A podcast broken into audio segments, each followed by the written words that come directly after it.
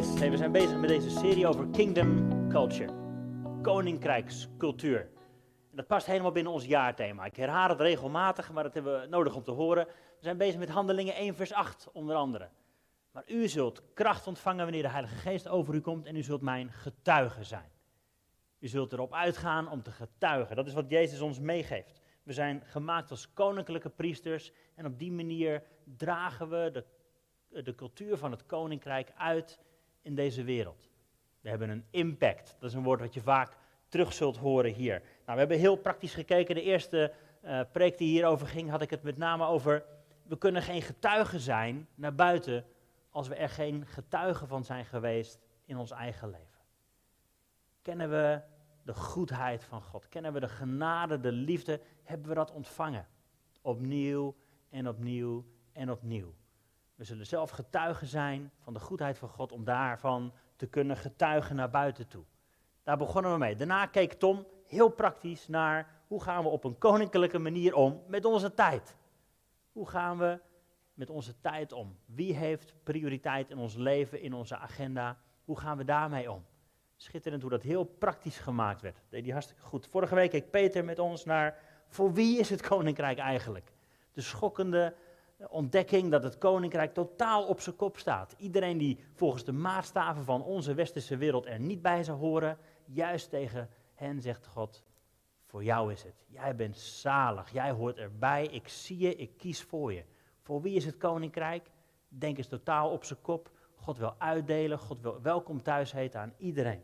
Dat deed Pieter supermooi. Wie is jouw naaste? Wie is onze naaste? Naar wie mogen we omzien? En vandaag gaan we het inderdaad hebben over iets anders heel praktisch: geld.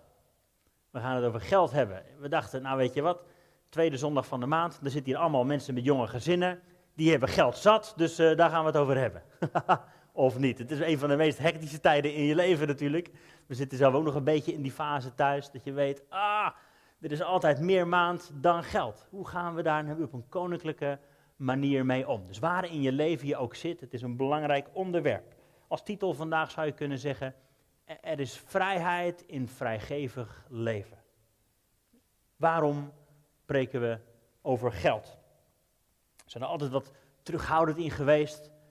Maar we willen daar heel bewust een keuze van maken. Vandaag hebben we het erover, volgende week ook. Volgende week gaat Lisette daarmee door. En eh, we gaan even kijken hoeveel vragen er misschien wel niet binnenkomen. Even kijken hoe we daarmee omgaan. Het zal misschien niet allemaal passen op één of twee zondagen. Maar we vinden het een belangrijk onderwerp. Onder andere hierom. Omdat het de taak van leiders is, volgens de Bijbel, om de heilige toe te rusten. Tot goede werken, tot opbouw van het lichaam van Christus, tot de volle kennis van wie Jezus is. Dat staat in Efeze 4. Toerusten van de heiligen. En daar hoort ook gewoon geld bij. Daar hoort gewoon ook geld bij. Het is niet anders. Maar we willen graag dat je leert leven vanuit de koninklijke principes die Jezus ons aanreikt. Door zijn woord, daar willen we van leren. We willen ontvangen wat Hij ons ook daarvoor wil leren. Dus dat is een taak van leiderschap, een taak van ons met elkaar. We willen elkaar toerusten, we willen elkaar scherp maken, we willen elkaar als het ware opvoeden, stimuleren om te groeien in ons leven met Jezus, ook op dit gebied. Net zoals met tijd, zo ook met geld. Ander dingetje, heel praktisch, iedereen is elke dag bezig met geld. Toch? Of je het nou wilt of niet, bent elke dag wel op een of andere manier bezig met geld. Vaak ben je misschien bezig met geld eh, binnenharken. Acht uur per dag ongeveer ben je bezig met geld verdienen. En de rest van de tijd ben je bezig met het met scheppen naar buiten werken weer. Want ja, zo gaat het nou eenmaal. Maar je bent altijd bezig met geld. Met verdienen, met uitgeven of met je zorgen maken over geld. Hoeveel uren per dag, per week, per maand zijn we bezig met ons zorgen maken over, is er wel genoeg? Hoe komen we de maand door? Hoe kunnen we, als dit nu maar niet gebeurt? Je bent altijd bezig met geld, met zorgen maken, met klagen misschien wel. Oh, ik heb altijd tekort, oh, het gaat nooit goed komen, oh, het is altijd moeilijk. We zijn altijd bezig met geld. Een andere grote oorzaak, reden om het wel te hebben over geld is, dit is een van de redenen dat er ruzie is thuis. Dat er spanning is, dat er onzekerheid is, dat er scheidingen zijn. Geld is een ongelofelijke splijtswam op dat vlak. Hebben wij ook gezien in ons leven. We komen uit totaal andere achtergronden. En dan heb je ook totaal andere manieren van doen, andere verwachtingen. En dan zit je in één keer samen en dan moet je er maar uitkomen of zo. Als niemand je dat ooit echt geleerd heeft, hoe, hoe moet dat dan? En als je er niet samen goed over kunt praten, is het een ongelofelijke splijtswam als je niet uitkijkt. Belangrijk om het daar dus wel over te hebben. Nummer vier dan. Ik had het al, het is een taak van leiders. Het is, we zijn elke dag bezig met geld. Het is een grote oorzaak van, van ruzie, van spanning. Nummer vier heb ik opgeschreven, las ik ergens, vond ik heel mooi. Marge en missie. We willen graag als Connectkerk dat jij leert leven met marge en missie. Met marge, dat betekent dat, dat er voldoende is, dat je ruimte hebt voor dingen. Maar ook met, met missie, dat je je geld inzet voor de missie van het koninkrijk. Dat zijn twee belangrijke woorden die hier doorheen zullen vloeien. Nummer vijf is, het is belangrijk om het normaal bespreekbaar te maken.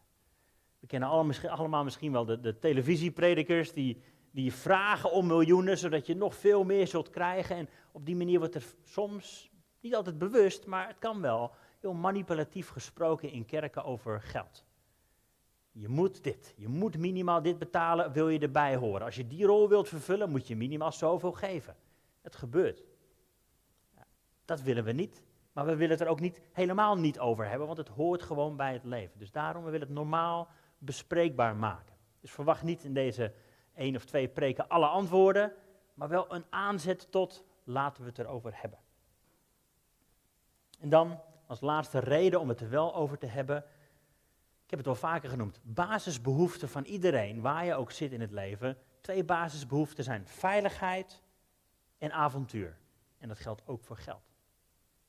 Veiligheid, rust, dat je zeker weet het komt goed. Dat heb je nodig aan de ene kant. Aan de andere kant heb je het nodig om, om af en toe op avontuur te gaan, ook met je geld. Om af en toe te luisteren naar God die zegt, ik wil dat je dit weggeeft en het voelt net niet comfortabel. Dat hebben we nodig. We hebben veiligheid en avontuur nodig, allebei. Hey, zo gaan we een paar bijbelteksten vandaag doorlopen. Kijken wat er staat als een soort van rode draad door de Bijbel, wat we daarvan kunnen leren. Nogmaals, als aanzet tot gesprekken hierover. We gaan eerst lezen. Matthäus, hoofdstuk 6, vers 19, daar staat dit. Verzamel geen schatten voor u op de aarde, waar mot en roest ze verderven, maar verzamel schatten voor u in de hemel, waar geen mot of roest ze verderft en waar dieven niet inbreken of stelen. Want waar uw schat is, daar zal ook uw hart zijn. Dit komt na het stuk waar Pieter het vorige week over gehad heeft, de zaligsprekingen. Jezus die op de berg zit met al zijn volgelingen en heel veel andere mensen daaromheen en aan het vertellen is, dit is hoe het koninkrijk werkt. Dit is hoe het koninkrijk werkt. En dan komt dit stuk ook naar voren. Maak je geen zorgen. Want waar uw schat is, staat er later, daar zal ook uw hart zijn. Ik wil het heel kort eventjes hebben over ons hart. Want volgens mij is geld in wezen neutraal. Alleen je hart bepaalt of geld goed voor je is, of het juist niet goed voor je is. Je hart bepaalt of geld je dienaar is, of je meester. Geld is een hele goede dienaar, geloof ik. In het koninkrijk van God ook is geld bedoeld als dienaar, als middel voor missie, als middel. Maar nooit als onze meester, als iets wat over ons heerst of op ons drukt. En, en dan maakt het eigenlijk helemaal niet uit of je juist heel rijk bent of juist heel arm. Het is een soort van mindset die zowel voor hele rijken als voor andere mensen kan gelden. Dat het over je heerst, dat je er altijd mee bezig bent. Of dat je altijd aan het plannen bent, ik wil meer, meer, meer. Of dat je juist bang bent voor, ik heb altijd tekort. Het kan op allebei in jullie levens een invloed hebben als dat het je meester is. Het is bedoeld als je dienaar. Jezus heeft het hier vooral over je hart. Waar je schat is, daar zal je hart zijn. Waar is je hart? Waar is je hart? Is je hart vol van, van vertrouwen? Is je hart vol van overgave? Is je hart vol van gehoorzaamheid, van het kennen van God, van het volgen van zijn leiding? Ik heb ooit wel eens genoemd in een andere overdenking, als we in al onze liedjes nou eens het woordje ik aanbid u gaan vervangen door ik vertrouw u. Zouden we dan nog steeds zo hard mee kunnen zingen? Misschien is dat juist wel waar het over gaat. Ik vertrouw u. Ik vertrouw u. Ook met mijn geld. Verzamel geen schatten voor je op aarde, maar in de hemel. Waar je schat is, daar zal ook je hart zijn. Ik wil je oproepen, onderzoek jezelf. Waar is mijn hart? Is mijn hart vol van vertrouwen? Of is het, ik moet het wel zelf regelen, want anders komt het niet goed. Op God kan je toch niet helemaal vertrouwen. Hoe staat het ermee? Dat was Matthäus 6. De volgende dan is 2 Korinthe 3. Die heeft daar een beetje mee te maken. 2 Korinthe 3 vers 18, daar staat het volgende. Wij allen nu, die met onbedekt gezicht de heerlijkheid van de Heer als in een spiegel aanschouwen, we worden van gedaante veranderd naar hetzelfde beeld. Van heerlijkheid tot heerlijkheid, zoals het door de geest van de Heer bewerkt wordt. Hier staat dus, wij die met onbedekt gezicht de heerlijkheid van de Heer als in een spiegel aanschouwen, wij worden van, van gedaante veranderd naar datzelfde beeld. Dus we aanschouwen de Heer en we worden naar zijn beeld veranderd. Van heerlijkheid tot heerlijkheid staat er. Dus dat wat we aanbidden, of dat wie we aanbidden, daar gaan we op lijken. En ik geloof dat het een, een principe is dat voor iedereen geldt. Of je nou christen bent of niet. Dat wat je aanbidt, daar waar je je focus op hecht, hebt, daar waar je aandacht continu naar uitgaat, daar ga je op lijken. Daar ga je op lijken. En ik hoop voor ons dat we onze aandacht, onze blik, onze ogen gericht hebben op Jezus. Uiteindelijk willen we op Hem lijken. Maar hetzelfde geldt, geloof ik, voor geld. Als je geld aanbidt, in zekere zin, als je op geld vertrouwt, als je op geld gericht bent, als je steeds meer wilt of angst hebt voor altijd tekort, daar waar je continu mee bezig bent, daar waar je je aandacht op richt, daar ga je op lijken. Ik hou van films. Een van de mooiste voorbeelden daarvan is misschien wel in The Hobbit. Ik weet niet of je die gezien hebt. In de allerlaatste film, dan zie je dat Thorin last krijgt van, nou noem het eventjes in het Engels, Dragon's Disease, de, de drakenziekte. Dat heeft te maken met zijn obsessie voor goud. En zijn hele karakter verandert. In plaats van dat hij bevriend is met de mensen om zich heen, wordt hij argwanend. In plaats van dat hij altijd tevreden was met weinig, wilde hij meer, meer, meer. Wilde hij controle over alles en iedereen. De drakenziekte noemen ze dat in die films. Misschien is dat ook wel van toepassing in je leven als je niet uitkijkt. Daar waar je continu mee bezig bent, daar ga je op lijken. En dan kun je de vorm aannemen van geld in je gedachten, in je karakter. Dat je altijd op zoek bent naar, naar meer. Dat je altijd op zoek bent naar, naar controle, naar, oh, er is nooit genoeg. Ik wil meer zekerheid inbouwen. Waar ga je op lijken in je karakter? Een andere overdenking dan vinden we in Spreuken 3. Dat is misschien een hele bekende. En daar kun je lekker mee manipuleren als je niet uitkijkt. Maar daar staat dit volgende. Spreuken 3, vers 9 en 10. Vereer de Heer met je bezit. Met de eerstelingen van heel je opbrengst. Dan zullen je schuren gevuld worden met overvloed en je perskuipen overlopen van nieuwe wijn. Nog een keertje. Vereer de Heer met je bezit, met de eerstelingen van heel je opbrengst. Dan zullen je schuren gevuld worden met overvloed en je perskuipen overlopen van nieuwe wijn. Heel mooi principe. Dit is geen wet, geloof ik. Dit is geen wetmatigheid, maar het is een hele mooi, mooi principe in het koninkrijk van God. Ook al staat het in het Oude Testament, dit is iets wat ingebakken zit, geloof ik, in de, in de schepping. Vereer hem met je eerstelingen. Vereer hem met je eerstelingen. Ik heb ook wel vroeger gesprekken gehad met vrienden van mij en die zaten een beetje krap bij kas. En toen dachten ze, nou weet je wat we dan gaan doen? Dan gaan we wat geld weggeven en dan krijgen we meer van God. Zo kun je het ook gebruiken, maar dat werkte toen niet helemaal, helaas. Ze bleven over met nog iets meer tekort. Dit is geen middel om God een soort van arm op zijn rug te draaien. Ik heb u geld gegeven, nou moet u mij. Dat is niet hoe het werkt. De eerstelingen, waar hiernaar verwezen wordt, heeft, komt eigenlijk voor de eerste keer voor in uh, Genesis 18, als Abraham Melchizedek ontmoet. De koning van Salem, een teken of een beeld van wie Jezus is. Abraham geeft aan deze man uh, wijn en brood, komen ze uh, genieten ze samen van. Dat is het eerste teken van het avondmaal. Maar ook Abraham geeft zijn tienden. Een tiende deel, 10% van zijn opbrengsten, geeft hij aan deze koning als teken van dankbaarheid. En later vinden we natuurlijk ook die 10% weer terug in, in de wet. In de voorschriften die God aan zijn volk geeft. En wat hij inbakt. Dit is een goede manier van omgaan met je geld. Breng je tienden, je 10% van je inkomsten, het eerste deel, breng dat naar de tempel. is niet de enige tiende die voorkomt in de Bijbel. De Bijbel spreekt ook over, zet 10% regelmatig opzij voor jezelf. Geef af en toe daarboven weg aan anderen. Dus er wordt heel veel in het Oude Testament geleerd over hoe ga je om met je inkomsten. Dit is wel een hele bekende natuurlijk, die 10%. Is dat iets waar je mee bezig bent? Is dit iets waar je vragen over hebt?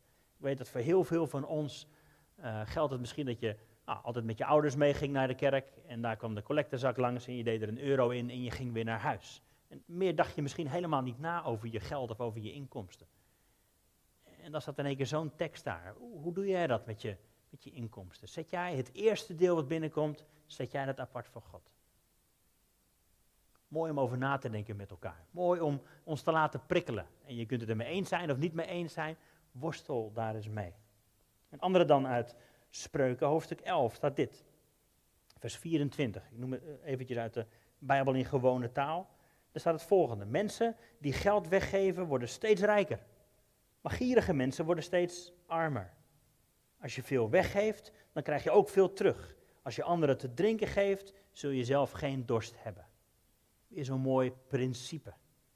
Opnieuw, het is geen wetmatigheid dat je God een arm op zijn rug kunt draaien, maar het is een heel mooi principe waarvan uit je mag leven. In het Engels staat het nog leuker, in de Message Bible. staat het volgende. The world of the generous gets larger, but the world of the stingy gets smaller and smaller. The one who blesses others is abundantly blessed. Those who help others are helped. Mensen die weggeven, die een groot hart geven, die zullen ook ontvangen. Mensen die gierig zijn en die niks willen uitdelen, daarvan merk je, die worden armer. Of dat nou financieel is of in hun leven. Als je een groot hart hebt, wordt je wereld steeds groter. Enlarge your world. Dat is een, een mooie uitdaging voor ons. Hoe groot is onze wereld? Hoe groot is ons hart opnieuw? Kunnen we daarvan uitdelen? Nog eentje. Romeinen 14, vers 17. Dat noemde ik ook in mijn eerste overdenking over dit thema.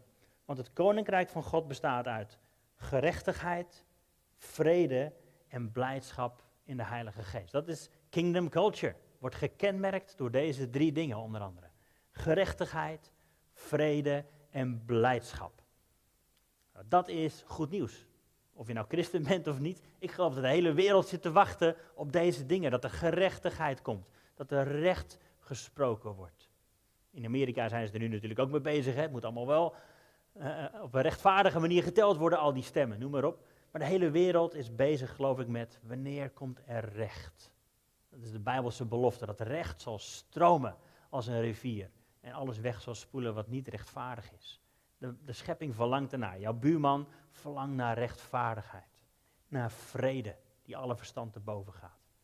Maar ook naar blijdschap, die verder gaat dan een keertje goed lachen. Maar blijdschap Ondanks al je situaties, ondanks alle dingen die mee of tegen zitten. Er is blijdschap. Maar het eerste woordje, gerechtigheid, kom ik even bij terug. In het Hebreeuws, dat woordje gerechtigheid zul je heel vaak terugvinden, met name in het Oude Testament, omdat het nou eenmaal in die taal geschreven is. Maar daar staat dit, tzedaka. Tzedaka. Mooi woord, kun je lekker hardop uitspreken, tzedaka. Gerechtigheid, maar betekent ook liefdadigheid. En dat gaat hand in hand. Er bestaat in het Joodse denken geen onderscheid tussen gerechtigheid en liefdadigheid. Je kunt niet zeggen, ik ben gerechtvaardigd, ik sta recht tegenover God, als je niet liefdadig of recht tegenover je medemens staat. Het bestaat niet. Het gaat hand in hand. Eigenlijk is het hetzelfde als wat Pieter hier vorige week noemde. Als je God wilt liefhebben, heb dan je naaste lief.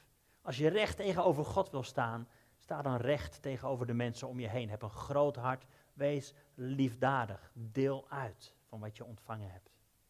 Niet alleen het aardige doen, maar het juiste doen. Wij denken soms, als je geld weggeeft, dan is het aardig, dan is het lief, dan is het extra. Maar volgens de Bijbel is dat rechtvaardig. Dat is het juiste om te doen. Dit is hoe het werkt. Ik noemde al voorbeelden, hè, de voedselbank, Malkander. We willen we willen je graag helpen om op die manier in het leven te staan. We willen onszelf er continu aan herinneren. Jongens, dit is het juiste om te doen. Dit is niet aardig, dit is juist. Als we de voedselbank helpen, dan doen we het niet omdat we zulke lieve mensen zijn. We willen een rechtvaardig leven leiden. We willen doen wat God gezegd heeft. Als we een lijst met, met vragen opstellen van mensen, van Malkander in dit geval, die hulp nodig hebben, die alleen zijn, die eenzaam zijn, dan doen we het niet omdat we ons goed willen voelen. Dit is de juiste manier van leven. We delen uit van wat we ontvangen hebben. Afgelopen week zaten we met de Connect groep leiders, hebben we daar ook naar gekeken. Deel uit, wees missionair in de dingen die je doet met elkaar. En doe dat op een manier die bij je past. Misschien past het jou niet zo om, om voedsel te kopen voor mensen, maar juist wel om even een belletje te doen, even naar iemand om te zien. Zoek de manieren die bij jou passen. Hoe kun je gerechtigheid uitleven? En nu? Ik ga zo afronden. Maar en nu? Een paar praktische dingen die ik je mee wil geven. Praat erover met God. Doe je dat regelmatig? Doe je dat wel eens? God, dit zijn mijn inkomsten. En nu? Wat doe ik hiermee? Wilt u eens laten weten wat voor mij een goede manier is om daarmee om te gaan? Hoe moet ik omgaan met mijn, met mijn eerstelingen? Hoe moet ik omgaan met mijn percentages? Wat kan ik weggeven? Wat vraagt u eigenlijk van me? Spannende vraag, want als je God vragen stelt, zal die je ook antwoorden, dat geloof ik. De Bijbel zegt, mijn schapen kennen mijn stem. En misschien schrik je de eerste keer dat je hem hoort, want dan zal hij misschien vragen dat je iets meer weggeeft dan wat je tot nu toe in je gedachten had. Maar praat erover met God en luister. Bestudeer de Bijbel erover, maar luister ook in je gebed, Heere God. Wat is uw plan eigenlijk? Dus praat erover met God. Nummer 1. Praat erover met anderen. Is misschien een beetje een no-go area. Dat is niet iets waar je het gemakkelijk met je vrienden over hebt. Maar ik wil je aanmoedigen. Ik zei het al, iedereen heeft het elke dag over geld. In je gedachten ben je ermee bezig. Heb je genoeg? Is het veel? Heb het erover met elkaar. Je connectgroepen, hè, wat we meestal doen, is een samenvatting maken van de preek. En die sturen we naar connectgroepen met wat vragen erbij. Dit zal op het lijstje staan de komende week. Heb het erover met elkaar. Laat er geen schaamte of trots over zijn. Of dat vind ik een beetje spannend. Nee, nee, iedereen heeft geld. Iedereen heeft geld nodig. Heb het erover met elkaar. Hoe doe jij dat? En waarom doe je dat op die manier? Eh, wil je eens mij helpen? Wil je eens meekijken daarmee? Praat erover met God. Praat erover met anderen. Een ander heel praktisch dingetje is, train jezelf om een tevreden leven te leiden. Paulus is er heel duidelijk over. Ik heb, ik heb overvloed gekend, ik heb tekort gekend, maar ik heb het zelf getraind om tevreden te zijn in elke situatie. Het is goed zo. we zitten hier natuurlijk in een christelijke, of sorry, in een westerse mindset van je moet harder werken, zodat je harder geld uit kunt geven. Ik zag dat letterlijk staan gisteren op een reclamebord langs de, langs de A12. Harder werken, zodat je harder uit kunt geven. Wat? Oké, is dat, vinden we dat normaal? Ik zat pas te kletsen met iemand en dat vond ik eigenlijk wel mooi. Die zei, joh, we, nou, we werken allebei juist een dagje minder, zodat we ook tijd kunnen geven aan dingen die we belangrijk vinden. Ja, schitterend voorbeeld. Maak daar keuzes in, wees daar bewust mee bezig. We hebben het thuis vroeger ook gedaan. Heidi is eigenlijk tot voor kort altijd thuis bij de kinderen geweest. Ja, dat betekende dat we inderdaad niet altijd die vliegreizen op vakantie konden maken betekende ook dat we niet altijd de nieuwste auto's hadden. Maar we konden wel op die manier heel veel tijd investeren in ons gezin. En vooral Heidi. Het is fantastisch om te zien hoe dat vrucht draagt. Ook al is dat soms moeilijk met een paar pubers om dat nu te zien. maar we geloven dat het absoluut vrucht draagt. Dat je, ga daar bewust mee om. Wanneer is je leven genoeg? Wanneer is het oké? Wanneer ben je tevreden? Een ander heel praktisch dingetje. Leer plannen ik vind het heel irritant. Ik zei het al, ik ben er uh, anders in opgevoed dan Heidi. We hebben een andere achtergrond. En voor mij is dit een leerpunt. Dat ik moet plannen, oké, wat komt erin en wat gaat er eigenlijk uit? En hoe kan ik dat op een goede manier plannen, zodat er, nogmaals, marge en missie is. Zodat we kunnen weggeven aan missie. Zodat dat gaat standaard. En hoe is er marge voor onszelf? Neem jezelf voor, als laatste punt, om een rechtvaardig leven te leiden, om vrijgevig te zijn, om liefdadig te zijn, om een groot hart te hebben. Maak daar een beslissing van. Voelt dat prettig? We hadden het er net over voor de dienst, over wat andere dingen. Voelt dat altijd goed? Nee, maar het is een beslissing die ik maak. En of mijn gevoel nou meedoet of niet, dit is wat ik wil. Want ik wil op Jezus lijken. Ik wil een groot leven leiden. Ik wil vrijgevig zijn. Want ik weet dat er uiteindelijk vrijheid is in een vrijgevig leven. Dat waren een paar praktische punten. Ik zou eigenlijk, als je hier bent, zou ik je willen vragen, ga met mij staan strakjes. Dan gaan we samen een gebed voorlezen, hardop uitspreken. En dat ga ik zo eerst een keertje voordoen en dan mag je beslissen of je het ermee eens bent of niet. Maar ook voor thuis is dit geloof ik iets wat, wat mooi is. Helaas hebben we hier nu eventjes geen beeld, dus ik ga je straks vragen om te gaan staan om het na mij te zeggen. Thuis heb je dat wel op je beeldje. Dat wat ik zou willen bidden gaat als volgt. Heere God, Vader van de schepping. Ik erken dat U mijn God bent en ik dank U dat ik uw kind ben. Dank U wel dat U voor mij zorgt. Heer Jezus, mijn verlosser en vriend, alles wat ik ben is van U en alles wat ik heb is van U. Heilige Geest, Geest van de waarheid die mij wil leiden. Zegen het werk van mijn handen en laat me tot zegen zijn van de wereld die u wilt zegenen. Dat zou ik graag met je willen bidden. Wil je gaan staan alsjeblieft? En ook als je thuis bent, bid het met me mee. Als een soort van proclamatie, als een uitspraak voor jezelf. Dit is waarheid, zo wil ik leven. Misschien kun je het mij nazeggen. Heere God, Vader van de schepping. Ik erken dat u mijn God bent. En ik dank u dat ik uw kind ben. Dank u wel dat u voor mij zorgt. Heer Jezus, mijn verlosser en vriend. Alles wat ik ben is van u. En alles wat ik heb is van u. Heilige Geest, geest van de waarheid die mij wil leiden. Zegen het werk van mijn handen. En laat mij tot zegen zijn van de wereld. De wereld die u wilt zegenen. Amen. Amen. Dankjewel. Ga lekker zitten. Jof. Ja. Mooi. Sta ik aan? Ja, ik sta aan. Mooi. Uh, heel heel duidelijk wat je hebt gezegd. Echt, uh, echt heel fijn. Als je vragen hebt op de livestream, uh, stuur ze in. Als je hier een vraag hebt, denk vast over haar na. En dan kunnen we zo even een, een rondje doen. Er zullen vast wel wat vragen zijn naar alleen van dit onderwerp. Want waar ik, waar ik zelf wel nieuwsgierig naar ben, Oscar, is...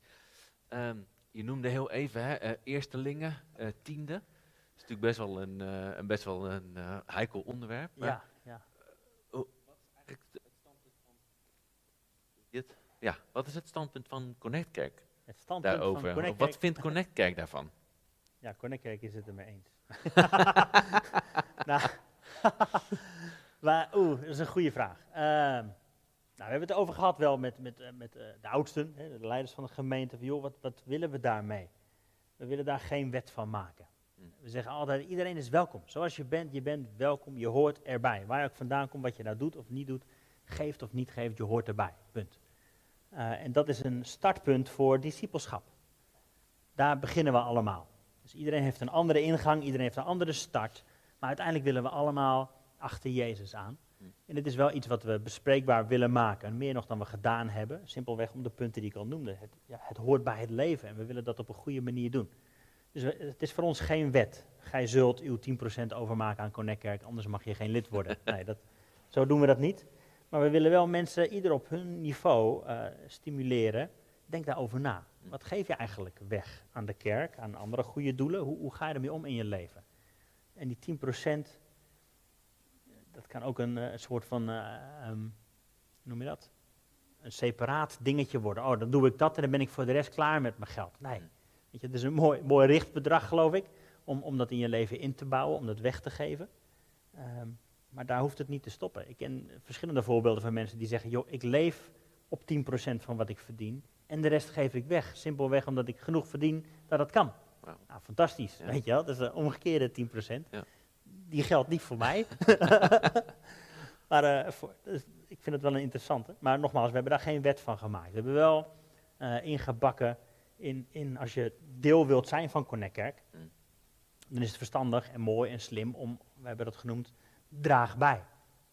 En dan hoort het D bij discipelschap. Weet je wel, wijd je toe aan Jezus. Punt. Daar, be- daar begint het mee, discipelschap. Eh, bestudeer de Bijbel, bid, on- ontdek je relatie met God, bouw dat uit. De tweede is R, van draag. Dus draag bij aan Connect dat doe je door relaties aan te gaan, door, door vrienden te maken, door samen op te trekken, door te investeren in de mensen om je heen. Mm. Niet zomaar weer naar buiten te lopen en het zal wel, nee, investeren in relaties. De derde A heeft te maken met eh, simpel aanwezig zijn. Je, je zei het net zelf al aan het begin, hè, kom gewoon. Nu is het een beetje lastig, je moet je inschrijven, met corona, noem maar op. Normaal gesproken, eh, kom gewoon, wees er. Wij hebben dat genoemd, wees er vaker wel dan niet. Nou, dat is voor sommige mensen al een dingetje, maar wees er gewoon. Eh, de vierde, de A van draag, heeft te maken met aanpakken, met meehelpen. Er zijn heel veel teams waar we best wel mensen kunnen gebruiken. Eh, je hebt best wel dingetjes die je kunt. Kom op, doe mee. Samen zijn we eh, aan het bouwen, samen zijn we praktisch bezig. En de G is van geven. Geef gewoon op structurele manier. We zijn nooit zo goed geweest in het eh, rond laten gaan van het collectemandje. Eh, fijner vinden wij het, hebben we het over gehad, als je dat gewoon via de bank structureel wegzet. Laat het gewoon op die manier gedaan zijn, ook in, in, je, in je planning van je financiën. Dus nogmaals, 10% is geen regel. Wij vinden het wel bij discipelschap horen om het bespreekbaar te maken. Eh, en om je daartoe aan te moedigen om in ieder geval te streven naar het weggeven van 10% van je inkomsten. Mooi. Dus dat is eh eventjes... Heel kort een antwoord op Ja. mijn vraag. Ja, ja mooi. Ik, eh, ik ben nieuwsgierig. Zijn er vragen uit de zaal? Is er iemand die, die een vraag heeft aan Oscar over dit onderwerp? Iemand die zijn hand... Ik zei net al, hè, Lisette gaat volgende week hier ook over spreken. Dus Ja. misschien komen er in de loop van de week wat vragen binnen. Eh, dan gaan we kijken hoe we dat gaan. eh, kunnen die mooi op haar bordje Dat leggen. kan denk ik. sowieso, ja. Wat ik, eh, oh ja, we hebben daar. Er komt een microfoon naar je toe, denk ik.